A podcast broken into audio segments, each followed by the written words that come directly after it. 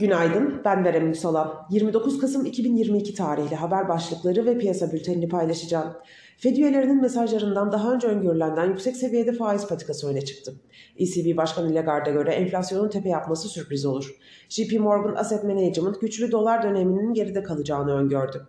Çin protestolarının şiddeti azalırken Covid kurallarına getirilen esneklik piyasalarda toparlanmaya yol açıyor. Piyasalara genel olarak bakacak olursak, pay piyasalarında kısa vadeli güçlü tepki yükselişi sonrası yurt dışı borsalarda kar satışlarının devam edeceğini düşünüyoruz. Ancak bir sonraki ABD enflasyon verisi ve FED toplantısına kadar global risk alma iştahının momentum kaybetse de güçlü kalmaya devam etmesi beklenmektedir. Borsa İstanbul, Ekim ayında başlayan güçlü yükselişinin önemli bir düzeltme gerçekleştirmeden devam ettiriyor.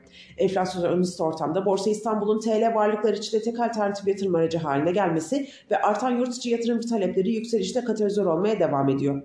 Borsa İstanbul 100 endeksinin orta vadede yükseliş trendini devam ettirmesi beklense de kısa vadede önemli bir düzeltme gerçekleştirmemiş olması nedeniyle kısa süreli de olsa kar satışı yaşanma riskinin yükseldiğini düşünüyoruz. Bununla beraber gelecek olası kar satışların alım fırsatı olarak değerlendirilmesi beklenmektedir.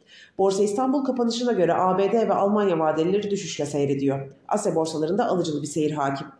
Teknik analiz verilerine bakacak olursak kısa vadede 4730 ve altına gerileme yeni alım fırsatı, 5005 ve üzerine yükseliş ise satış fırsatı olarak takip edilebilir. Viyop tarafında ise gün içi long pozisyonlar için 5339, short pozisyonlar için 5471 seviyeleri zarar kes seviyesi olarak izlenebilir.